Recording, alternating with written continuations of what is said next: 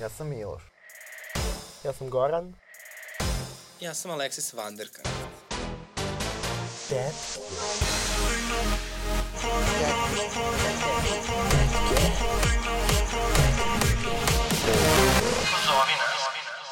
Ćao, slušate Tetke. Petu epizodu Tetki, a moje ime je Miloš, sa mnom su Aleksis i Goran. Ovu epizodu snimamo po drugi put zato što smo, zato što se Aleksis pokvario mikrofon. Tako, Aleksis? Pa nije mi se baš pokvario mikrofon, e, zapravo na kraju se ispostavilo da je signal iz mog telefona a, ometao mikrofon, tako da snimamo po drugi put. Dobro, Miloš rekao, ja sam jutro ustao u pet i radim ceo dan, kapitalizam je užasan, ali Miloš je još užasniji. Što? Uh, a preko telefonske žice je sa nama COVID pozitivni, ne, COVID pozitivni Goran. Ili kako Aleksis voli da me zove, Govid. Govi. Kako si, Goksi? Kako, kakvi, su, kakvi su tvoji simptomi?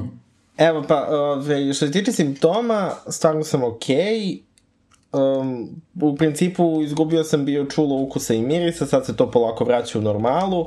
Imao sam možda temperaturu par dana i to, to je otprilike to. Tako da završio sam sa blažim simptomima, ali sad samo treba da se još izolujem još neko vreme i to bi bilo to. Moja korona priča je time zaključena.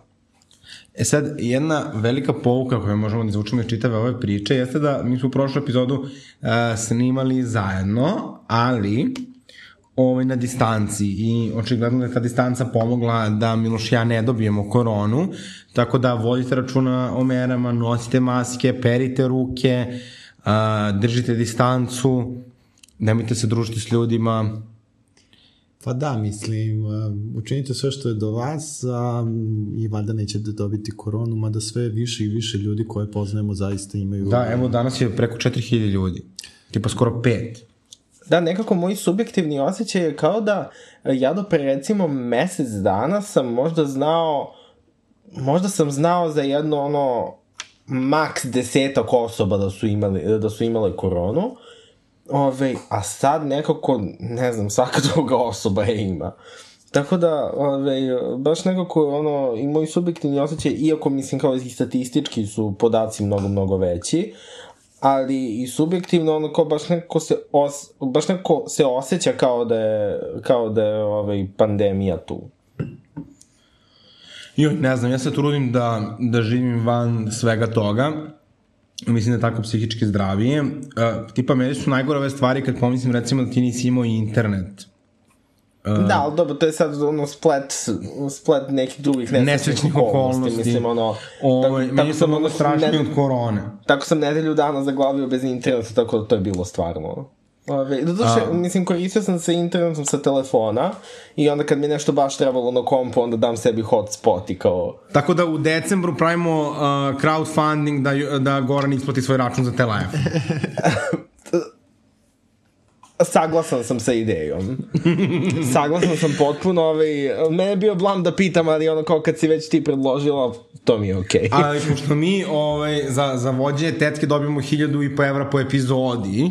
Naravno. Ovaj, to je za nas prava sitnica. Naši računi izgledaju kao ono kad je Maja Gojković išla na odmor, pa je stigao račun za telefon 300.000. Ne znam, ja sam, uh, uh, ja sam više kao, kao lepa Brena, ono, verovatno ću ono kao da završim ono to što ću akadem nečiju struju i... Gospodom, da ne, da, da ne polomiš obe ruke. ovaj, e, a ovaj mesec je počeo sa tekstom naše koleginice Sari Markera, ali ne samo koleginice, nego i velike dramatorškinje Biljana Srbljanović koja je napisala neki osvrt na jednu smrt. na jednu smrt. jednu smrt jednog čovjeka koji je, mislim, značajan ovaj, po mnogo čemu, um, a posebno u kontekstu svoje mržnje prema LGBT zajednici, Amfilohiju Radoviću. A, tek se zove Pobeda vraga, a, objavljen je na javnom servisu .net. Prvi put čujem za ovaj, ovaj portal, ali jako dobar tekst a, gde se ona osvrće na tu malograđansku ideju da o pokojniku e, treba da se priča sve naj, e, najbolje i to vrlo kritički u negativnom smislu. Ja da, to je tako, ali to je, mislim, čak i nevezano za ove kao ekstremno negativne likove, to je meni a, toliko bedno, kao, a, generalno kao to sad neko, a, ono, kanonizovanje, ne, možemo da kažemo kanonizovanje ljudi nakon, nakon smrti, čak i ljudi koji su ono bili kao sasvim okej, okay, kao samo nisu bili savršeni. Uh, meni je to uvek to, toliko cringe, A pogotovo sa ovakvim ljudima. A, mislim, to tek, mislim, ovda, uh, znači, mislim, ona je u ovom tekstu iznala, dakle, svega nekoliko činjenica uh, vezano za uh, Ristu Radovića, kako ga ona ovde naziva. To mu je njegovo sekularno ime. Tako? Nego pa dobro, kako god. Ako on žao da ga mi zovemo Amfilohije, nama nije problem. Da, mi Za razliku od njega, tako, mi da, ovaj, držimo do samoidentifikacije i verujemo u slobodu izbora, onda kada ne štetite drugima. E, ali jel, a, a, možemo kažemo da i Amfilohije donekle verovao u samoidentifikaciju s obzirom da je e, krstio, od, odobrio krštenje Vuko Adžiću kao ove, našem kolegi. Dobro, pa ali Amfilohije i tolerisao pedofiliju unutar SPC, ali nije javno ovaj, se deklarisao kao pro-pedofil, mm -hmm. tako da pretpostavljam da je tu imao neke svoje užasne interese, tako da ja to ne bih ni komentarisala. Ne znam što se mene da. tiče, ovaj, taj, uh, taj trip da ono kao mrtvima mora sve najbolje, mislim, donekle razumem, ali ga od nekle i, i ne baš, jer ja iskreno smatram da ono kao treba da ono mrtvom kao oprostiti ako mm, Ove, ali kao postoji valjda nekakva granica, mislim, ono kao naravno da neko kad umre, ono kao neće sad da mu zameraš ono nekakve ono kao sitne stvari od pre ono kao 15 godina, ono, na ove nekakve greške i to, ali mislim, kada neko kao kontinuirano kontinuirano ono, se koristi govorom mržnje i ono kao koje kakvim koje kakvim groznim stvarima, mislim da to svakako ne treba ni da se oprašta ni da se zaboravlja. Ove, mislim, bar ne treba da se ono kao ćuti o tome. Da, ja mislim da e, Ana Simona isto da se zna pisala blog na ovu istu temu i ona u zaključku kaže o pokojnicima ni najbolje ni najgore nego kao živima. Da, kako je bilo. Ali dobro, E, i- ja ipak mislim da ono kao pokojnicima kao, ok, treba malo, malo blaže generalno možda, ali, ali ne kao, Znaš kao, tipa sad da umre nekakva ono kao pop zvezda koja je imala ono kao nekakve problematične momente ono kao 2005, pa bolo bi me kurac da ono kao sad tu nešto kao zameram, razumeš? Mm -hmm. Ove, tako da ono, okej, malo oprostiti, ali kao treba imati, treba imati nekakvu granicu, ono kao ne može baš ono, kao ne postaješ automatski svom smrću svetac. Aleksis, ti si urednica ovaj, da se zna bloga, čitala si, uh, pretpostavljam, tekst Ani, Simone. da, da, naravno. Ovaj, ona od uh, skora ovaj, piše za da se zna blog. Pa da, mislim da je ovo tipa treći, treći autorski tekst, ali ne, drugi, pardon, drugi. Ove, ali sada spremam još jedan po mojom mišljenju još zanimljivi tekst, ali neću ništa pretrano da otkrivam. A, prosto Simona je dakle, naša koleginica i na ovaj, Remarkeru i na neki način se da se zna, tako da uh, prosto uh, i Simona, uh, Simona i ja se ne slažemo uvek, ali ja jako volim kako ona razmišlja. Pogledajte tekst, znači, na da se zna blogu. Ovaj, Epitaf za homofoba godine, takođe. Dakle, probat ćemo da ga linkujemo uh, negde, negde ispod. Ovaj, ali, ali, da, ne, samo probat ćemo da ga linkujemo negde ispod, nema ali. I uh, Ana Simona je definitivno, ako niste do sada ispratili ili ispratila, uh, nekoga bi trebalo, najtoplija preporuka. Da, jako je zabavna, ima jako kvalitetne tekstovi, onako baš dubinski ulazi u analizu i na Remarkeru, a i ovde kod nas. Znaš kako, meni je Ana Simona kao edgy with no edges. Ali da, ovaj, da sam ne dužim puno, dakle ono što mi je meni nekako u ovom tekstu, uh, što meni zapravo ne u tekstu, nego u reakciji na ovaj tekst zasmetalo, dakle, uh, niko se ne bi drznuo da opovrgne ono što je Biljana Srbljanović tu rekla, zato što ona je iznala činjenicu o Amfilohiju, ali su se svi našli uvređeni i to nazvali uvredama na njegov račun. Dakle, ako vam se ne dopada to što je Amfilohije radio, to možda ne govori o Biljani Srbljanović, nego o Amfilohiju. Da. A mislim, ajde da podsjetimo šta je radio. Znači, on je slao kletve na Beograd zbog smrada sodomije kada je a, pravljena a, parada ponosa. Rekao je da drvo koje ne rađa ploda treba da se baci u vatru. Um, Žene koje imaju abortus je poredio sa Hitlerom. U tome ga je podržao Nikola Rokvić, ja sve to pišem u svom tefteru. ovaj, uh, koga još kleo? Mm, Kleo je i Albance i Bošnjake. Uh, Goran, imaš ti nešto da dodaš? Koliko znam, održao je, održao je nekakav sramni govor na apelu Zorana Đinđića, Da. kojim je pravdao, pravdao To njegovo mislim, ovaj, da, pa mislim, to, uh, mislim, ja sam to, ja sam to skoro gledala, ja to nisam ni znala, dok se sad, dok sad, uh, ovaj, Amfilohije nije umro. Uh, Pa tužio je Anu krenulo da se, Jakšić. krenulo je klupko da se Tužio je- odmotava. Da, uh, uh, tužio je Anu Jakšić, to mu je najveći greh. najveći greh mu je što je udario na Anu Jakši. I na omladinsku grupu Helmskog odbora u Beogradu. Da. I na naše transparente. Da. Jer evo, ko ne zna, mi smo uh, 2014. na Prajdu imali transparent na kom je bio Amfilohije i pisalo je nađe nekog za sebe i ljubi se satima.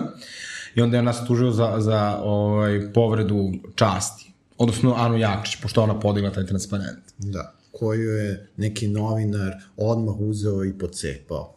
Eto, mi o tome govorimo, ovaj, um, o tom kontekstu govorimo i onda je jadna Ana morala da mu se izvini, um, što je stvarno sve... Ali sad može da povuče izvinjenje, jer više ne može da tuži.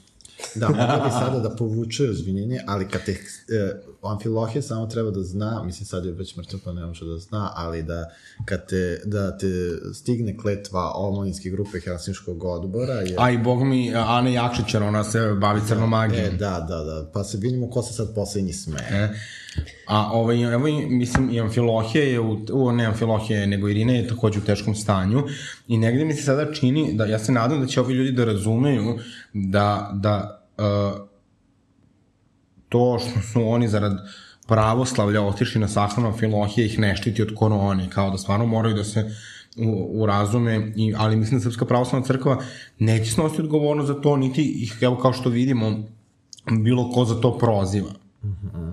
Dakle, prosto, mislim da a, svi mediji u Srbiji, dakle, od Informera do N1, a, su u potpunosti saglasni a, da u tome da, da, se, da se uopšte čuti na, na ovu temu. Dvostruki aršini. Znači, jedan važi za nas smrtnike, a drugi važi za ono političke establishment. Pa možda nisi video ovaj, kako se žurke prave u, u mask mašinu, tamo ima više ljudi nego na Amfilohijevoj sahrani. Ali to će svi osuditi, o tome se radi. Znači, o tome se radi, to su dvostruki aršini. Ali dobro, mislim, to je svakako ono kao svakako what's new, ono, bukvalno voda je mokra. Ove, tako da, e, mislim da ono kao treba sad da prosto ove, sa teme ono kao skoro mrtvih pređemo na temu uskoro mrtvih i politički mrtvih, da ne kažem ove, borbi Đilas. između Trumpa i Bajdena. ove, um, pro, protekle, ovaj, protekli period od dve nedelje su obeležili američki izbori i ovaj, um, i to što je Trump izgubio, mada on to, on to neće još uvek priznati. Ove, kako ste, ove, da li ste pratili američke izbore? Jo, naravno, ja sam onako zurio u neki sajt Guardiana i refreshao uvek uh, na svakih ono 5 sekundi da vidim hoće li konačno Biden da dobije uh, tu potrebnu većinu i jako sam srećan što je ubedljivo pobedio, tako... Da, imao je najviše glasova, više glasova nego bilo koji drugi predsjednički kandidat ikada do sada u Americi. Ali meni su američki izbori uvek prezabavni, ovi su mi bili malo dosadniji, zato ja američki izbore bukvalno doživljam kao neki reality. I onako uvek volim kad kandidati idu na Saturday Night Live, pa se malo raspravljaju, pa budu drame, ovaj, Ima to stvarno da bude zanimljivo. E sad, nekako, moram da priznam, meni Biden bio jako dosadan. Znači, e, što, kao ono kad Karleuša kaže, ono i Ivani Škorić u Velikom bratu, ženo, dosadna si, ali zato je meni tu Kamala Harris kao bila neki zanimljiv ovaj, faktor. Ona meni bila favorit od samog starta, iako znam, mislim, kao, saznam sam puno toga ružno o njoj, ali šta da radimo, mislim, ja nekako od političara i ne očekujem da budu pristojni sem od Aleksandrija Ocasio-Cortez i, i ljudi iz Dajmo Beograd. ne, ali, ali ovi, ovi američki izbori, uh, ja moram da priznam da prvi, uh, prvi američki izbori koje sam ja pratio su bili ovi prošli sa Hillary Clinton i ovi, mm -hmm. Donaldom Trumpom i ne znam, to mi je baš bilo zabavno. Ove, uh, malo mi je bilo kao kao kad je Trump pobedio, bio sam baš isfodano kao ok, neočekivano, jer iskreno ako se sećate ako se sećate, sve je išlo u korist Hillary Clinton, ono, kao sve ankete da. i šta ti ja znam. I stvarno je bila kao iznenađujuća pobeda. I ona je imala više glasova. Da, da, kao, da, to, to stoji. Ove, tako da kao bilo je baš kao neizvesno i zanimljivo, do duše nisam baš ono kao refreshovao rezultate iz minuta u minut, više sam ono, kad su krenuli da broje sam ove, um, sam ispratio i onda ono kao lego da spavam i kad se probudio video sam koji je bio ishod. Ali ovo sada je meni bilo jezivo naporno, uh, mm -hmm. jer nekako kao to brojanje glasova kao trebalo je, mislim, trebalo je Boga Oca i ono... Četiri, pet dana, Boga. Da, da, da.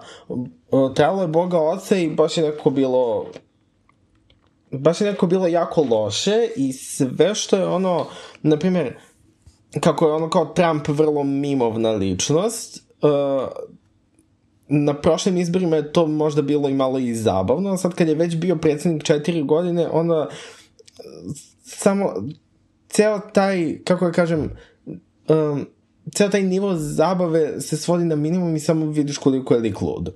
Ove, Pa da, ali meni zapravo jeste uh, bilo zabavno, meni je to interesovalo i kad je, uh, jer ja se sećam još kad je on najavio svoju kandidaturu, meni je to bilo presmešno, to ni jedne sekunde nisam mogla ozbiljno da shvatim.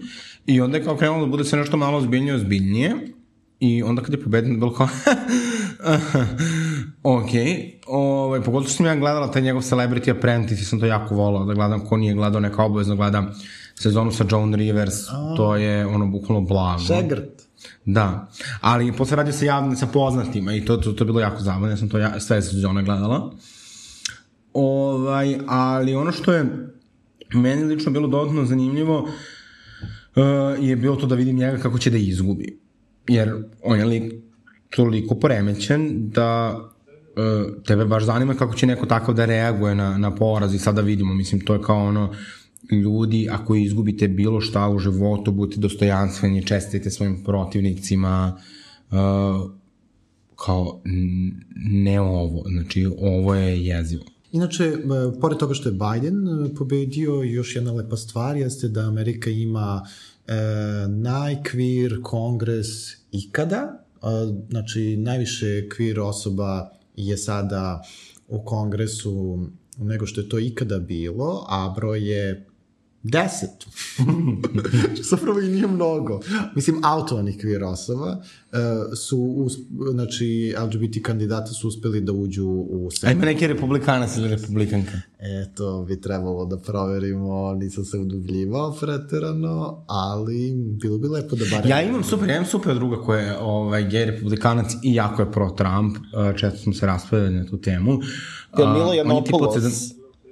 Ne, ne, ne, slušaj, slušaj, on je od 70-ih bukvalno u republikanskoj partiji, on je naravno kao ono, bukvalno neke bogate porodice, gde se svi bave politikom, uh, autovanje, čak i ono bi pokazivo neki magazin kao, um, gde su oni kao gay republicans, ne znam, njih četvorica, petorica, i tako dalje. Mislim da su kao neki, stra, mislim, on je, jeste strašno privilegovan, ali čini mi se onako da se polako senzibiliše, ali uopšte ne mogu da izvalim gde je taj moment, pošto kao definitivno mislim da nije rasista. E, čak je ovaj, pohađao te afroameričke studije, recimo, i tako dalje, ali kao, ono, jako je, Ja, mislim, jako mi je to čudno, jer imam neke druge prijatelje koji su straight republikanci, kao, bukvalno niko od njih nije glasao za Trumpa, i kao su pozorno kao, ne, ne, ne, ovaj, dok, kao, on je kao ono baš ono hardcore pro Trump. Ne, pa ja mislim da svaka kao, svaka kao tu tolerancija prestaje kada uh, dođeš u priliku da glasaš za opciju sa kojom ćeš ono imati manji porez. Pogotovo što si rekao da je taj tvoj drug iz nekakve ono kao dosta bogate privilegovane porodice. Verovatno misli da... uh, uh, ne, znam ka, ne znam da li ste provadili... Ne, ne, ali on misli da je, on misli da je Trump uh, više pro-LGBT od Bidena. On misli uh, da su republikanci uh, mnogo više, mislim, ok, kao ja verujem da u, u, u prošlosti kao postoje neke indicije da republikanci stvarno jesu bili liberalniji. Ne, ali kao to su, uh, mislim, ono, kao, do ja mislim da 100 su to više da. nekako proseravanja kao na YouTuber, kao na uh, Ariel Scarcella, ove, koja je izjavila kako je, uh, kako je Izvini, zaboga... ko? Ima jedna youtuberka lesbika ove, uh, uh, Ariel Scarcella koja je bila kao ne znam ti nija kakva levičarka pa je onda izjavila da su ove pripadnici ove pripadnici levice su je razočarali i onda zbog tog ono kao zbog tog ličnog animoziteta sa ove nekim levičarskim sturijama on tako ono kao se autovala kao mega republikanka i kao glasačica Trumpa. Ove, Jo, bože, to zvuči kao neka američka Maša Rebić. ne znam ko je Maša Rebić. Maša Rebić, ona spisateljica koja je pisala onaj roman Sponzoruše, Ne. koja se družila s Bobanom Stojanovićem i onda je postala kao homofobična Uh, imala neku homofobičnu epizodu kad se posvađala sa Bobanom Stojanovićem. Ok. Weird flex. Da. Ne, tako da... Ali ovaj, dobro. e, tako da mislim da su ono kao... Da su to samo, samo proseravanja. Ukoliko ste doživjeli nasilje ili diskriminaciju motivisanu homofobijom ili transfobijom, možete je prijaviti na www.dasezna.lgbt. Popunjavanje upitnika je potpuno anonimno, ali ukoliko ostavite svoju mail adresu, tim da se znaće vam ponuditi psihološku i pravnu podršku. Uh, naša omiljena pop kulturna ličnost koja ono ove, vrlo često nema kontrolu nad time šta priča. Uh, Jelena Kaleuša ove, imala je novi skandal ove, uh, novi skandal na snimanju Zvezde Granda. Uh, to jest iz, skandaloznu izjavu kada je rekla da se žene posle porođaja ove, kako, kako reče raskrmače, raskrave Samo na Balkanu žene kad se porode, tako se, tako raskrave, tako se razguziče, zato muškarci varaju. Ali ne, kao ne znam, zašto sve srpkinje, nešto tako, znači da nakon porođaja se raskrmače, raskrave, kao i onda je, mislim, to negde dovelo čak uh, u kontekst sa time da nije ni čudo što ih muževi varaju. Da, da, da. Da me podsjeća na onu, na onu pesmu od Olje Karleuša, ono žene lavice, ove, gde, no, koja ima vrlo kao pseudofeministički tekst gde ona kaže kao volim vatrene što liče na mene što vole bez granice, volim žene lavice, a ti kad zapravo pogledaš u strofe, ove, pouka pesme je ono kad nešto vruće nema kod kuće muškarac luta, mislim ove, tako da baš, baš bizar. Ove, Uh, kontradiktorno.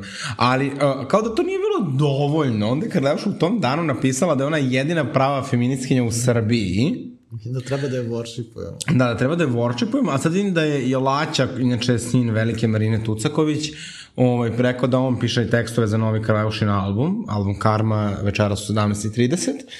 Ovaj, i uh, da će isto kao pesme biti feminističke. I meni stvarno dođe da se prekresti Milanom i desnom rukom. Ne, ali kao ima ona nekako ono kao feminističke momente i onda samo kao tako zasere. Ali onda- ne možeš, ne možeš da budeš malo feministkinja, pa malo da ne budeš. Dakle, ili veruješ da su uh, ono, uh, u rodnu ravnopravnost, Ma naravno, ali... I veruješ da žena ne treba da, ne mora da bude lepa, mršava i ne znam šta, ili ne veruješ, kao, a, znaš, nije feminizam, znači, pazi, znači, ono, pričali smo, baš kad smo prvi put snimali ovo, ovo kad smo obrađivali, pričali smo o gatekeepingu, evo, ajde Miloše, hoćeš ti da uvedeš u pojam.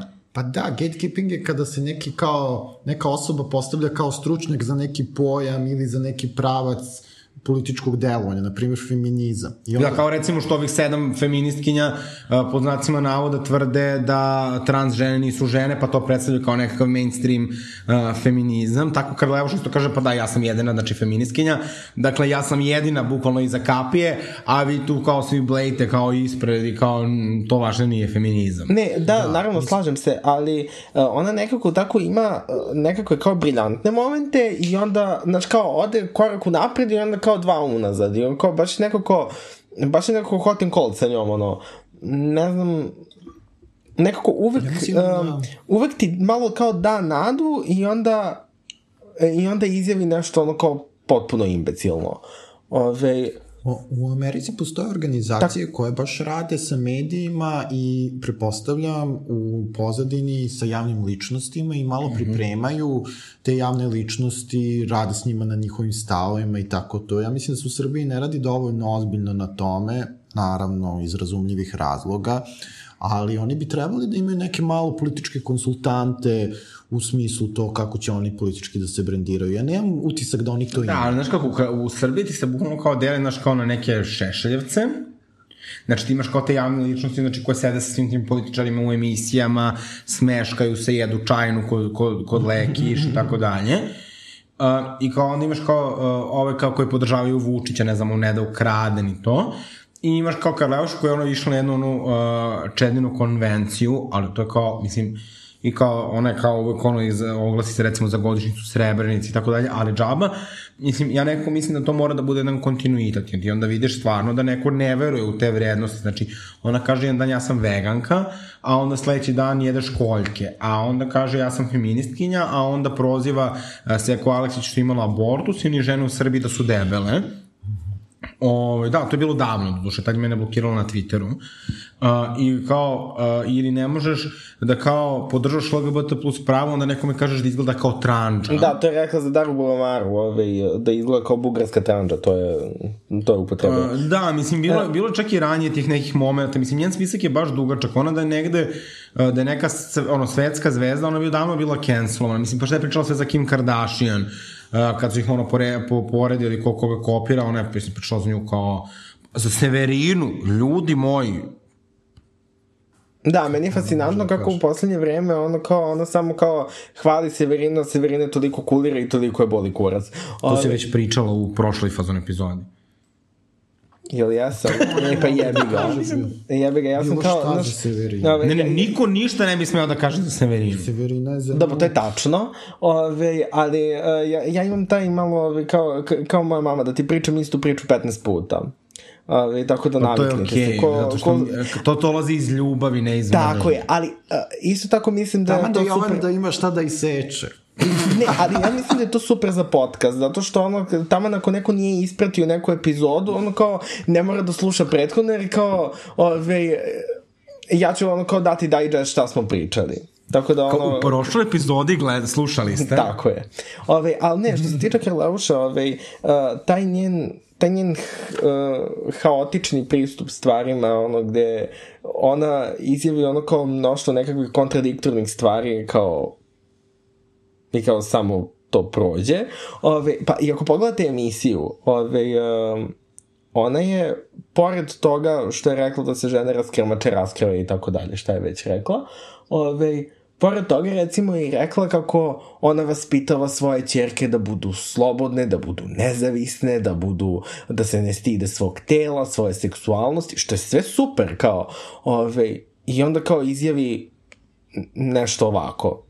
I kao, ti više ono, znaš kao, uh, i ti njeni šizofreni momenti, ono kao više nisu ni iz dana u dan, nego kao iz, tipa u okviru jedne emisije od dva sata ti ono, izvučeš, izvučeš 15 različitih kontradiktornih tvrdnji. Da, ali, znaš šta, mislim, meni se nekako čini da je taj njen moment gde se ona stalno takmiče sa svojim koleginicama jako patriarhalan. I Da, to stoji, nekako, umesto stoji. da se, da se žene međusobno, znaš kao, ta neka era kad su se pevačice prozivale, ko u Americi je davno završeno, znači da se svi u Americi vole, kogod da se mrze, svi se vole.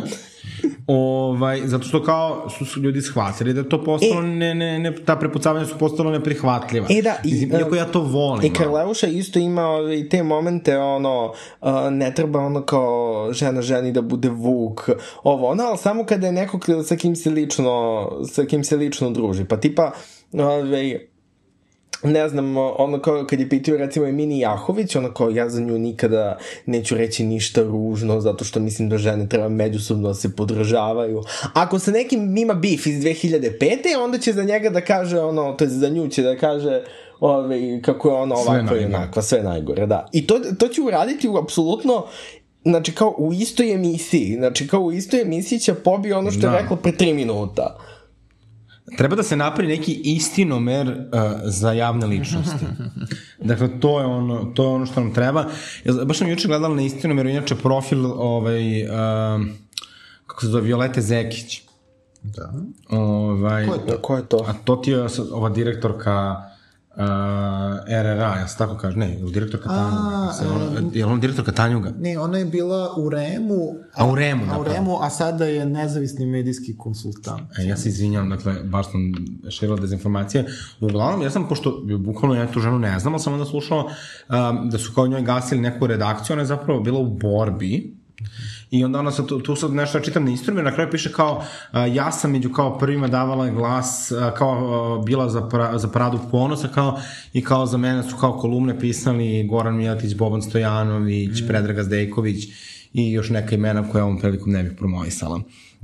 Ovaj, ali kada smo sad već kod tih svih dušmana koji nam narušavaju mir, kao što su Jelena Krleuša, ja moram da priznam da, dakle, moj ono, glavni dušmani su majstori, I, uh, znači, sad kako kreće ova zima, onda sam morao da mi dođe majstor za grejanje, pa mi je bio majstor uh, za veš mašinu, pošto sam utripovao, ja stalno znači će, da će nešto se pokvari, da se nešto pokvarilo, da ne radi kako treba, da će da se zapali i tako dalje, pa mi je onda bio taj lepi jova koji mi popravlja ovaj veš mašinu, I u, ja preziram da, da radim sa majstorima, zato što oni uvek kasne.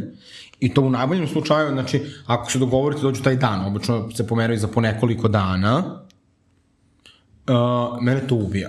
Ne znam, ja nisam imao nekako, uh, nikakva sad kao pretirano loše iskustva sa majstorima, mada moguće je i da je do toga što u- našoj kući, kad, u našem domaćinstvu kad se nešto pokvari, uh, u principu se to ne popravlja dok nekog kao uh, do nekog tipa poslednjeg trenutka i ono kao već kad ne može dalje, onda kao mora, onda kao zovemo majstora, a nekad ni to, nekad ono kao sam tako nešto kao ble i pokvareno ono kao po godinu dana, tako da ovaj, moguće da do toga. I ja kao, ja kao ovaj, jedna uh, žena koja kontroliše celu kuću, ja ne mogu da podnesem da, ovaj, da mi nešto ne radi u kući, meni to jako Ne, žao. recimo kod nas, uh, uh, kod mene u kući se prošle godine, pa mislim da je predačno godinu dana otprilike, nam se zapalila, uh, zapalila nam se mašina za sudove. Ove, uh,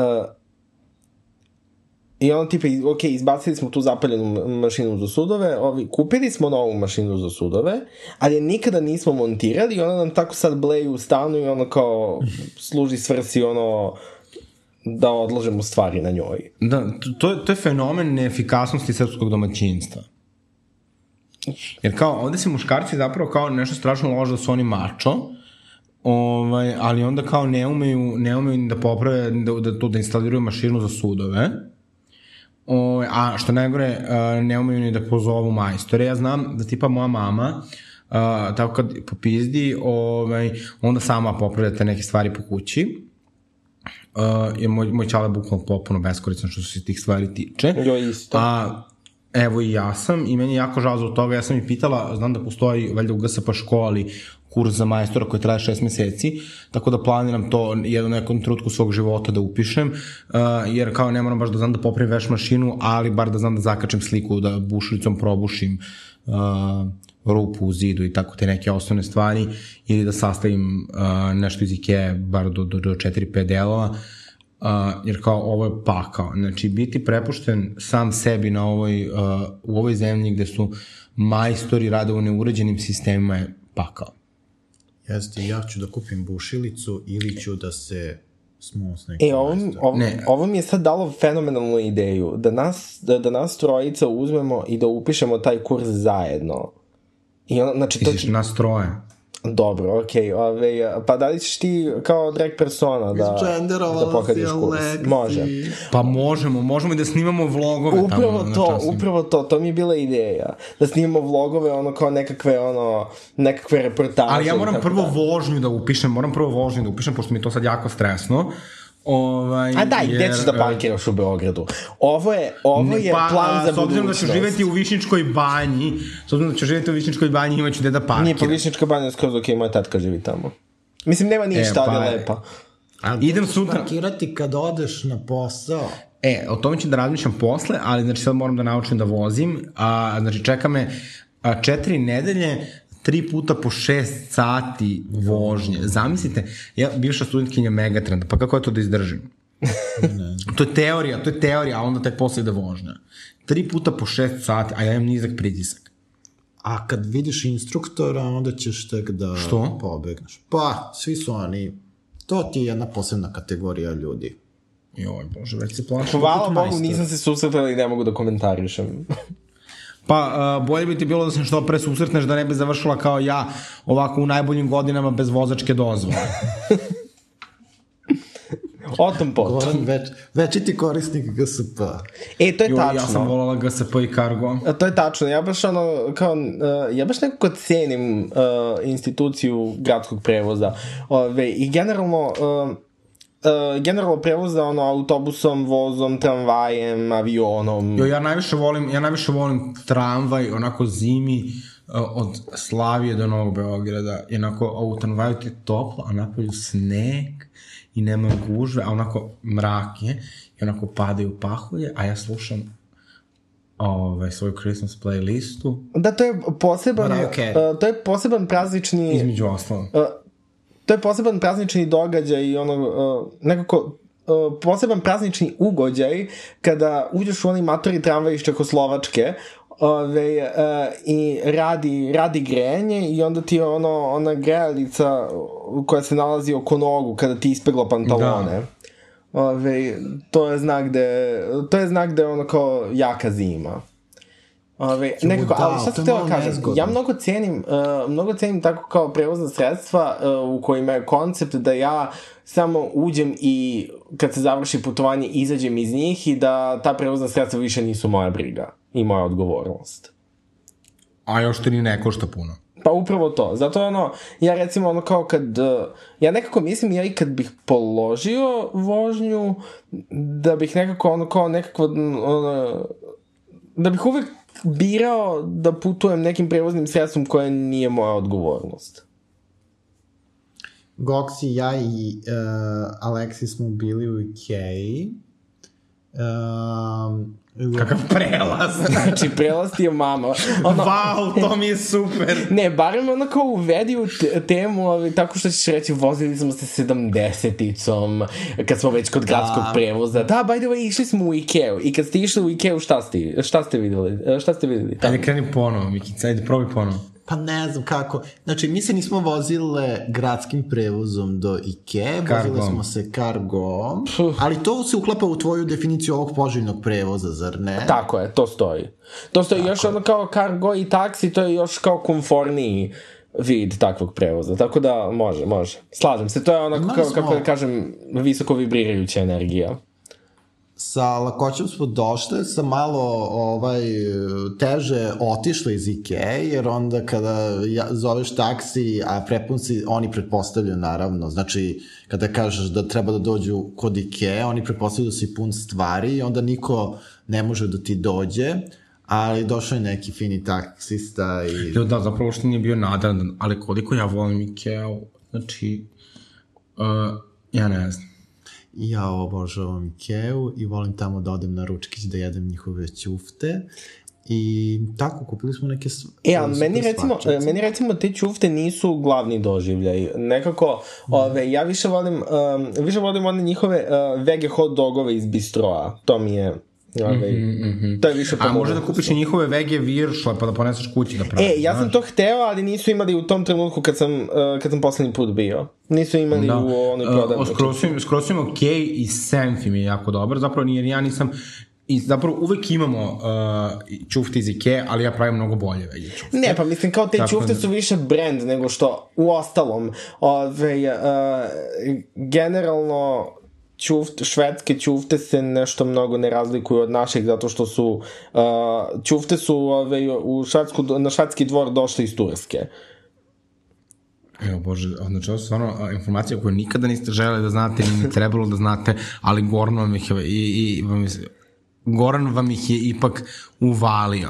Pa naravno, tako ja šta uvek, vam, ono, šta su sam- vam Ikea favoriti? Znači, šta su, znači, molim vas, odgovor znači pitanje, šta su vam Ikea favoriti? Evo, ja sam, uh, znači, moji favoriti su Ikea Jor, jo, Jorgan, uh, znači, onim laki Jorgani, to je bukvalno prelepa stvar, i, i jastuk za telo. Znači, jastuk za telo iz Ikea je bukvalno, Uh, znači, od kad sam kupila taj jastuk, a ima evo, uh, danas je 8. 9.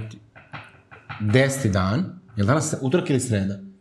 Mm, Danas je utorak. Evo neka bude deseti dan, znači i ljudi, ja inače ne volim da spavam, to mi je potpuno gubljenje vremena. Otkad imam Ikea jastuk za telo. A objasni šta je jasno. To je bukvalno jastuk koji je dugačak 140 cm i onda ga ja obgrlim uh, rukama i nogama, što bi rekla Karleuša, tamba, tamba, tam, kad te ja uh, zagrlim nogama. Znači, i onako pokrivena u hladnoj sobi. Mm. Ja moram da budem basic i da se opredelim za fotelju Strandmo. Uh, ne znam, ja nemam svoj. Ikea favorit jer sam ja u Ikea bio u životu tri put. Od toga uh, jedan put sam istimao, druga samo da odemo da jedemo. Ove, a dva put... Um, dva put sam, sam kao sa majkom gledao nekakav nameštaj, ali uh, svakako sam bio iz fazona kao više da jedem, a onda ono kao to gledanje nameštaja mi je samo bilo kao tu nešto pride i kao što pre da se završi. Ove, tako da je Ikea... Ali to je zato što Gorane još nemaš svoj stan. Kad budeš počeo da živiš sam, Dobro, kad to verovatno stoji.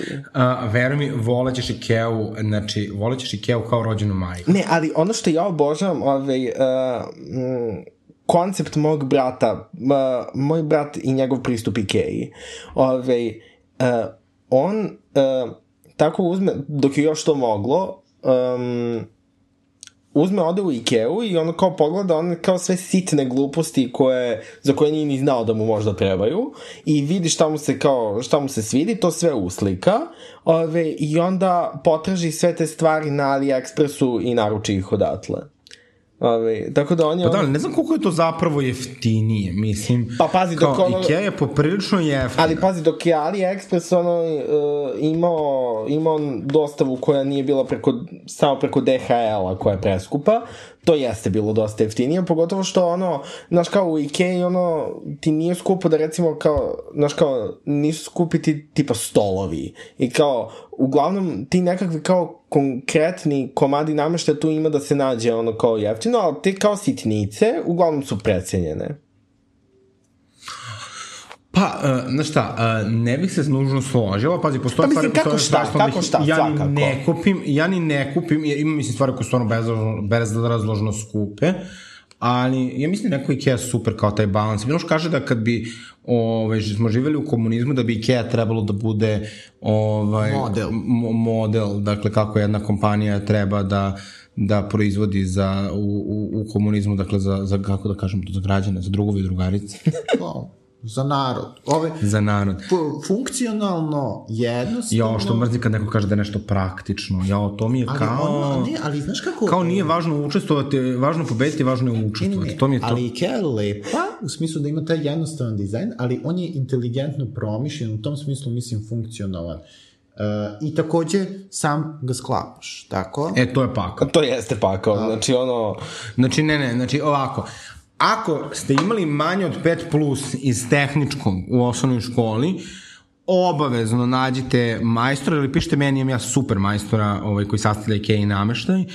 Divan je čovek brz, pedantan i jeftin, tako da je to moja topla preporuka. Sad ne mogu ovako baš da delim, pošto je broj telefona i ime i prezime su, kako se to kaže, Miki? Poverljive informacije. podaci, je poverljive informacije, tako da daću, ali bukvalno moja želja, znači da kupim stan, je bukvalno da ono, kao 90% stvari bude, ajde, 75% stvari bude iz Ikea. E, ali sad sam se da, setio zapravo ovaj, šta bi mogo, mogo da bude moj Ikea favorit. Sad kad si pomenuo ovaj, a, a, to sklapanje i rastavljanje a, Mhm. nameštaja, ovaj, a, moj Ikea favorit bi definitivno bio tučak i javan koji smo kupili, jer to, jel te, ne mora da se sklapa i rasklapa. A, i, A to ono od kamena. Da, da, da, ove, mislim da je mermeran. Uh, svakako, košta je tipa hiljadu i po dinara, ali je ono odličan, odličnog kvaliteta i, i, ove, i A šta zapravo... koristiš? Zašto ga koristiš? Pa recimo, ono, na primjer, kad pravim pesto, ove, uzmem i tu bosiljak, uh, bosiljak, ono, izmerim, uglavnom, ono, kao neko, neko začinsko bilje, isto kada pravim, recimo, cezar salatu, pa onaj preliv, uh, tipa za inćune ga koristim, Boga, a, bože, kakav snobizam, ono, a, iz Žarkova. Ove, tako da, mislim, ne koristim ga, ono, nije mi nekako ono kao svakodnevna stvar, ali kad, znaš, kao kad zatreba, e, e, kad zatreba, ne postoji ono kao, ne postoji zamena za, za tučak i javan. Zanimljivo, zanimljivo. Ovaj, ali da ti još neki drugi salone nameštaje? Dobro, ja i sam obišao uzduž i popreko kad sam opremao stan, imam neke stvari iz Znači nisi u monogamnoj vezi sa Ikeom. Nisam u monogamnoj vezi sa Ikeom pre svega zato što su im sofe skupe. E da, to je baš čudno, ne znam zašto. Um, jako su im skupe sofe. Sofe su inače svuda skupe, ali u Kej posebno, tako da sam morao da se opredelim za formu ideale, iako znam... Jo, nemoj da pričaš, Miloše, molim. Znam, znam, sve znam.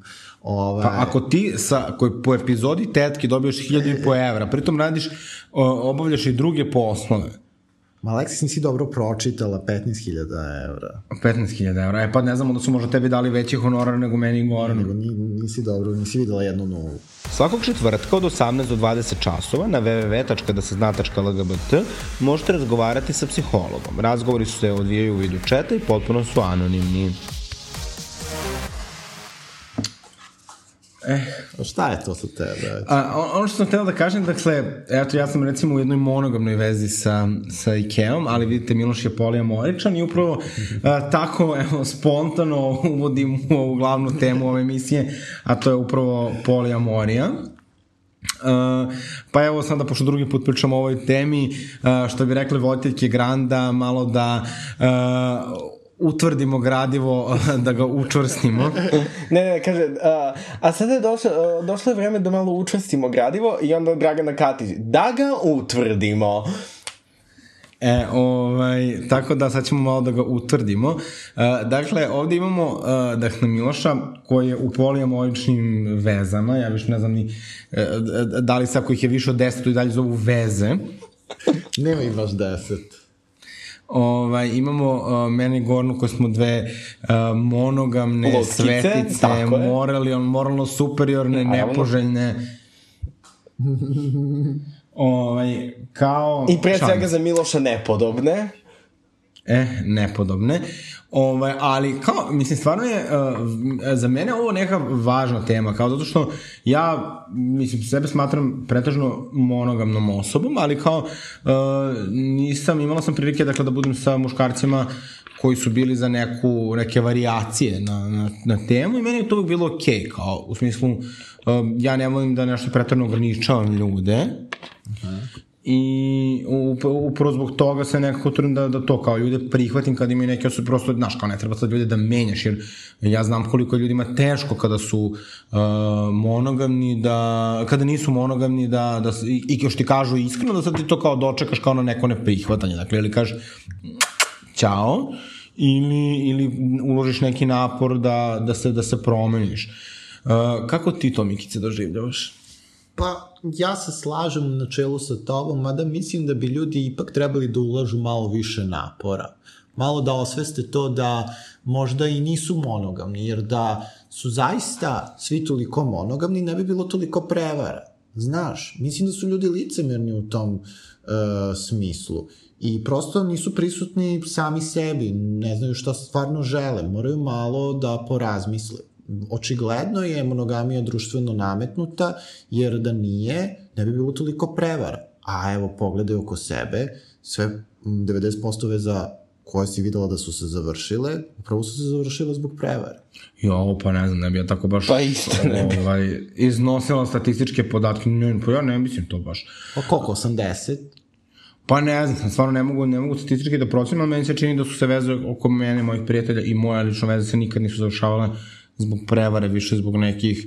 Mislim, meni čak kao ni, ni kao prevara kao takva nije nešto prevelik, previše dramatična, više mi je kao ta neka laž i nelojalnost, a dakle to podrazumeva to kao da ti meni nisi pre, unapred rekao da imaš nekog drugog ili slično. Uh, jer meni kao prevara, kao prevara nije, nije nešto strašno, više mi je kao ta neka nelojalnost. Pa da li ćeš odeš da se kresneš nekim drugim ili ćeš nešto drugo da uradiš što je nelojalno, mi je manje više isto.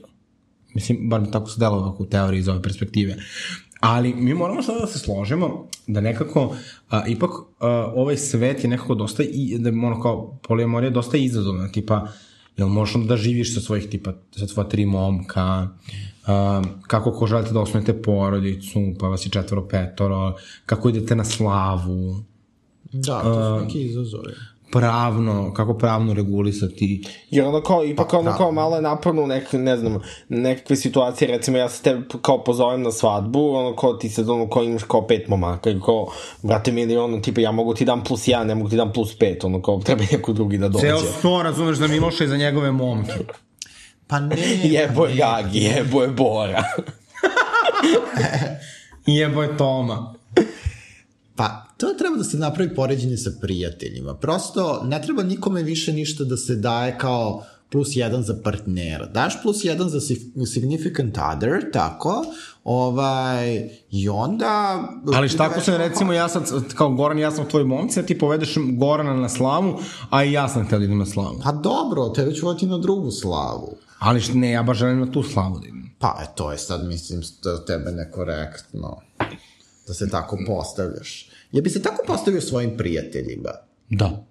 Znači, a šta? Tvoji prijatelji tebi uvek izlazu u susret ili negde, negde ode negde sa Jo, iskreno, ja mislim da sam ja dosta pakao što se tih stvari tiče. Ja uglavnom uvijek dobijam ono što želim. Sam kad su muškarci u pitanju. A šta tu dobijaš? Pa tu obično ne dobijem ništa. Ali, e, mislim, a, e sad, ono što je još, još dosta zanimljivo je da nekako, ok, kao sad sa straight ljudima, ja moram da priznam da nemam neka velika očekivanja kada je poliamorija u pitanju, generalno od straight ljudi nemam neka velika očekivanja, pogotovo od straight muškaraca, i vrlo često sam bila u prilici da razgovaram s tim nekim, recimo, ljudima koji varuju, i kažem, ali čekaj, zar ne misliš da je onda kao super da kažeš kao, pa ne, ja sam poliamorična, i da krenete nekako da više razgovarate na tu temu, ali kao, tu nema ništa. Ali nekako od LGBT zajednice ipak očekuješ jednu, jedan malo jači neki otpor na, na tu heteronormativnost. Mm. i međutim nema ga. I skoro je bila baš neka situacija ovaj, kada je jedna preslatkica sa Twittera objavila da je 4 ili 5 godina sa dečkom u vezi. I onda je ovaj, neka zlobnica uh, napisala ispod kao pa zašto mi je slao, tvoj dečko šalje ovaj, uh, svoje gole slike na Grindru i on je bio stvarno kao pa mi smo u otvornoj vezi kao. Da. I, kao, I onda je tu krenulo onda neko moralisanje kako to, kako to ono, kako to nešto nije u redu i kao, čitava suština je kao to je moje mišljenje, ali ja sam ono kao, ok, super, ti imaš svoje mišljenje, znači ti misliš da to nije veza kako ti želiš, nemoj da budeš u nju, ali nemoj kao da sereš drugim ljudima kojima je to sasvim dobro. Da, da, mislim to je jako važno da se ne pravi hirarhija među vezama, da nisu monogamne veze nužno, odnosno zatvorene veze nužno bolje od uh, otvorenih veza, kao što ni brak nije nužno eh, bolji od onoga što mi... Samo su kao funkcionalne veze bolje od nefunkcionalnih. Da. I iskrene veze od neiskrenih. Šta ti kažeš, Goksana, na to kao jedna konzervativna žena sa Žarkova? Ne, iz, Iz Žarkova. Iz Žarkova. Ove, pa ne, pa ja mislim da uh, mislim da sve treba da bude stvar dogovora između ono kao između dvoje ili više partnera. Mislim, ove, da li će da li će biti otvorena, zatvorena veza. Mislim da sve, ove, sve kao kriterijume ono, uređuju ljudi unutar veze na svoju ruku. Ove, i nema... Ali šta kaže, šta je po tebi glavni raz, eh, ra, razlog eh, raskidanja veza? Monogamnih veza? Pa, iskreno, u mom slučaju i u slučaju kao mnogih ove, mnogih oko mene je nekako ono ove, prosto da dvoje nekako ne kliknu zajedno i nekako ono, da li imaju različite ciljeve u životu, različita potpuno interesovanja koji su ono kao potpuno nekompatibilna i jednostavno tu kao probaš probaš nešto, vidiš da ne ide i raziđete se. Ja mislim da tu zapravo se vodi do jednog drugog problema, to je loša komunikacija. Mogu, da, da. I mislim da ljudi ne idu dovoljno na, na, na terapiju uh -huh.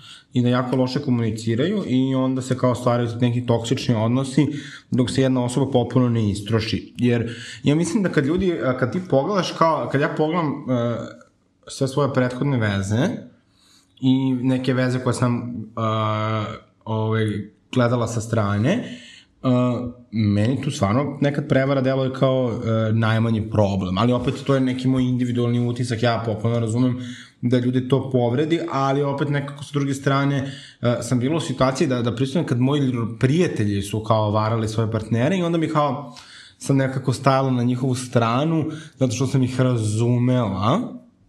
Mm -hmm. I sad kao, ja nikad nisam neobjektivno, mislim da to nije fair, ali ali nekako opet sa druge strane su to moji prijatelji i trudim se da iako se ne, ne, ne slažem sa njima, da ih ne osuđujem. I znaš što mi još uvek takođe smeta? Jeste kada kao uzmeš kao varaš nekoga, to uvek mora da ima taj kao neki, neku pričicu iza sebe kako si ti nešto nezadovoljan u vezi. Ili kada kao... Ali to zato što ljudi koji, uh, koji varaju pronalaze izgovore. Pa da, ja hoću prosto da budem ono da se uopšte ne pravdam, kažem, dobro mi je u vezi, i, ali želim da budem s nekim novim. Druže, ljubiv si. Da, u tom smislu nekako kao, ne želim da to uvek ide kao, bilo sa tim novim partnerom ili da ljudima oko sebe govorim kao, ja, to... veza mi je tik pred raspad ili tako da. nešto. Da. Ove, to je bilo u ono vreme Facebooka, kad su bilo one Facebook stranice, kao bila neka stranica koja se zvala Nije ona kurva, ona je druže ljubiva. E, to je još jedna stvar koja mora da se, to sam pisao inače taj tekst u Optimistu, tako da koga zanima može da pročita. Ovaj, Koga zanima, nikoga ne zanima. Ali, ali to je super, to je su neki lik iz, koji stalno piše za Optimist je uporedio polijamoriju sa promiskuitetom i onda je to mene baš iznerviralo pa sam sastavio čitavu kao odgovor njemu, naravno nikad mi nije replicirao, ali ali u svakom Zato što nije smeo da uđe u, u debatu sa, sa takvom intelektualnom veličinom. Tako je.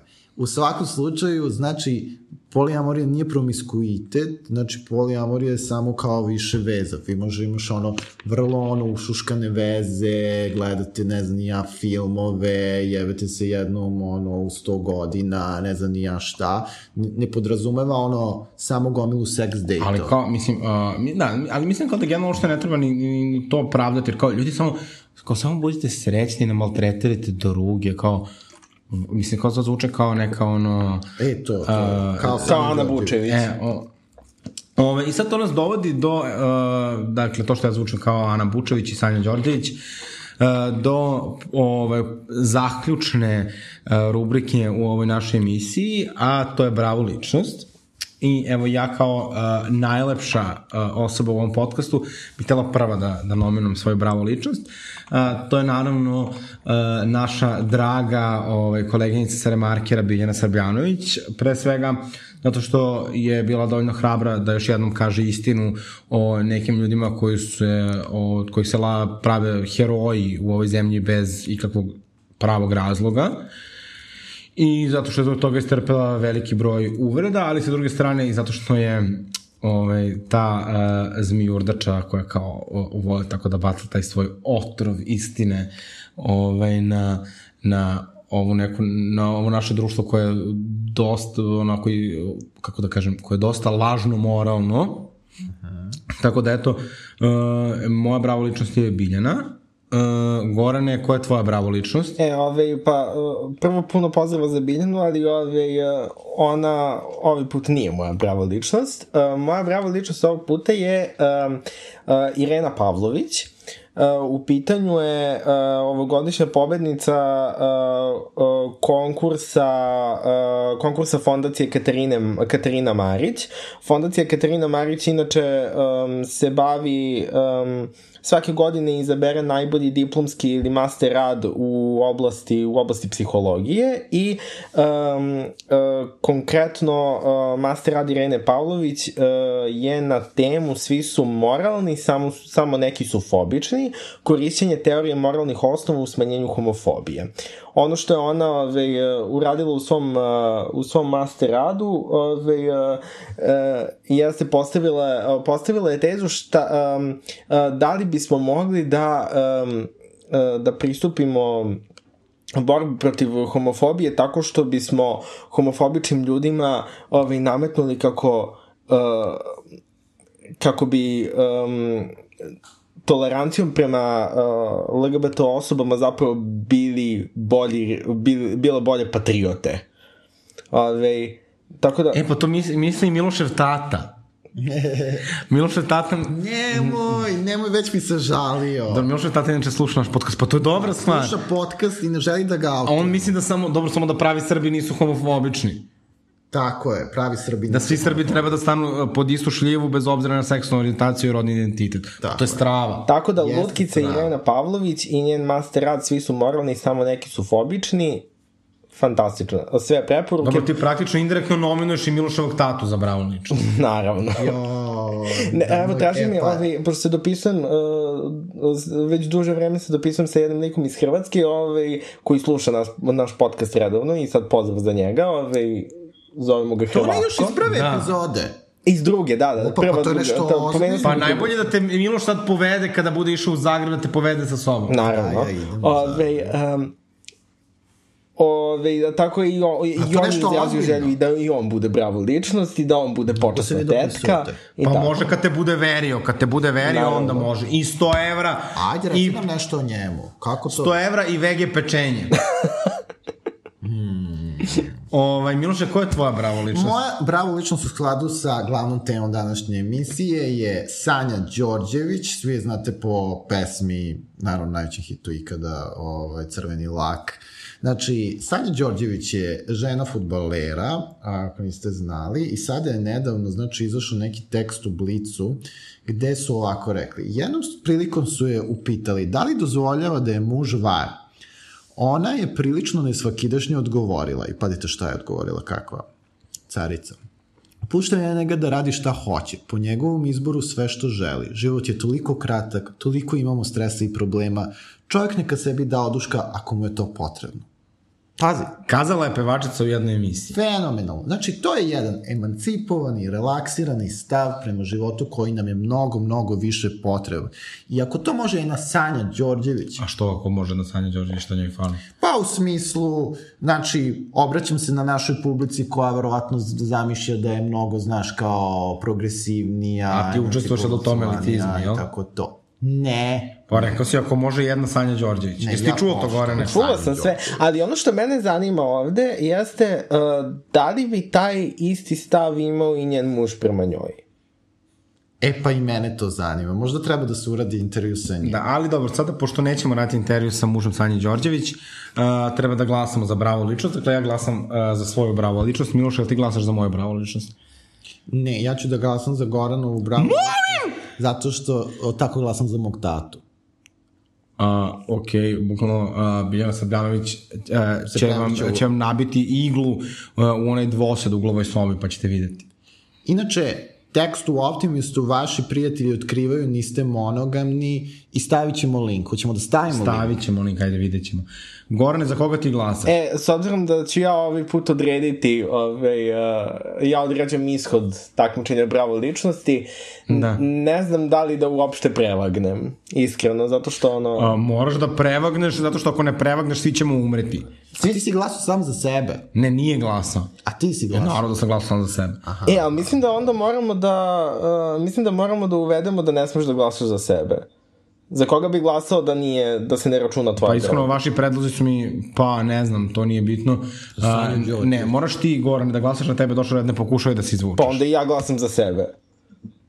A, ok, bravo, ličnost je, kako si rekao, Katarina Petrović. Ne, ne, ne, ne, ne, ne. Ove, uh, bravo ličnost je Irena Pavlović, uh, Irena Pavlović. ove, uh, studentkinja, to je sada već masterirana ove, na Filozofskom fakultetu u Beogradu, ko, koja je konstrukcija rečenice. Masterica Irena Ove, Pavlović. uh, koja je uh, Masterična. dobila nagradu, uh, nagradu fondacije Katarina Marić. E, znači, Irena Pavlović dobila nagradu fondacije Katarina Marić. A, link, probat ćemo da linkujemo i to negde ispod, Ivan će nas ubiti. Da, ima zapravo hvala. Facebook post, ove, uh, Facebook post i u komentarima na tom Facebook postu ima snimak njenog izlaganja.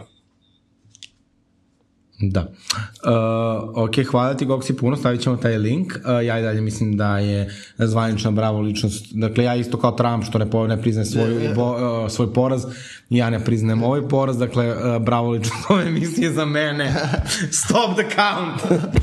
uh, Hvala vam što ste slušali još jednu epizodu Tetki. Uh, uživajte, uh, šerujte, lajkujte, komentarišite naš post. Uh, ja bih ovu priliku iskoristila da eto čestitamo Ireni njen master, uh, njenu master diplomu i da Goranu, uh, našem Goksiju, poželimo brzo ozdravljenje. Hvala, Mila. Nije slušao. Hvala svima. Ljubimo vas. A, To što su on, oni rekli, je to govorim isto i ja. I ja sebi želim da ozdravim. Zdrav čovek ima hiljadu želja, želja bolestan samo jednu. Ja, Goran, nadam se da sledeću emisiju snimamo uživo. Nadam se i ja. Odjavljujem. Ajde, vidimo Ćao. se, čujemo se.